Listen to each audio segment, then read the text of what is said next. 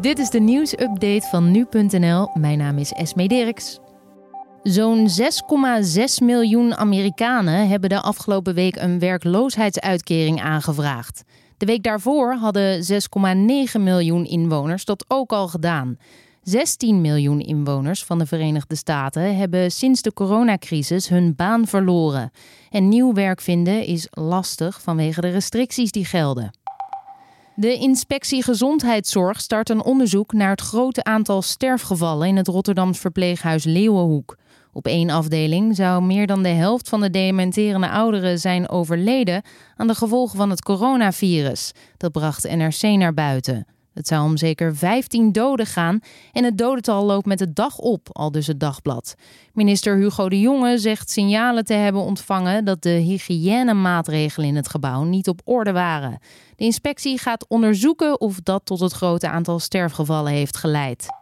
Google moet uitgevers en nieuwsbedrijven betalen bij het gebruik maken van teksten. Dat heeft de Franse waakhond Autorité de la Concurrence bepaald.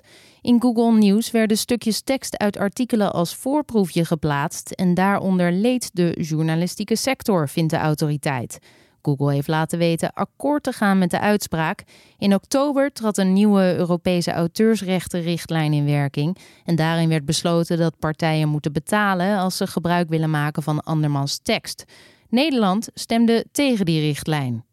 Ondanks de coronacrisis hebben betrokken partijen de langlopende besprekingen over een nieuwe CAO voor leraren kunnen afronden.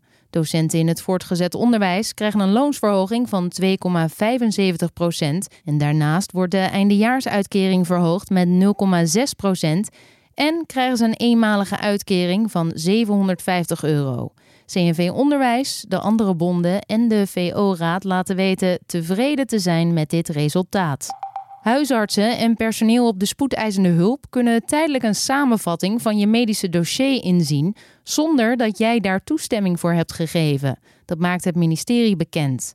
8 miljoen Nederlanders hebben op dit moment niet doorgegeven of hun dokter dit van ze mag bekijken. Voor de mensen die hun keuze wel eerder hadden vastgelegd, verandert er niets. Huisartsen kunnen dus ook niet bij informatie van Nederlanders die hebben aangegeven geen toestemming te geven.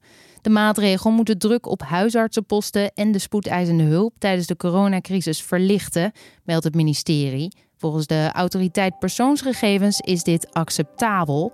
Vind jij dat nou niet, dan kun je bezwaar maken. Via Volg je Zorg kun je je melden. En dit was dan weer de nieuwsupdate.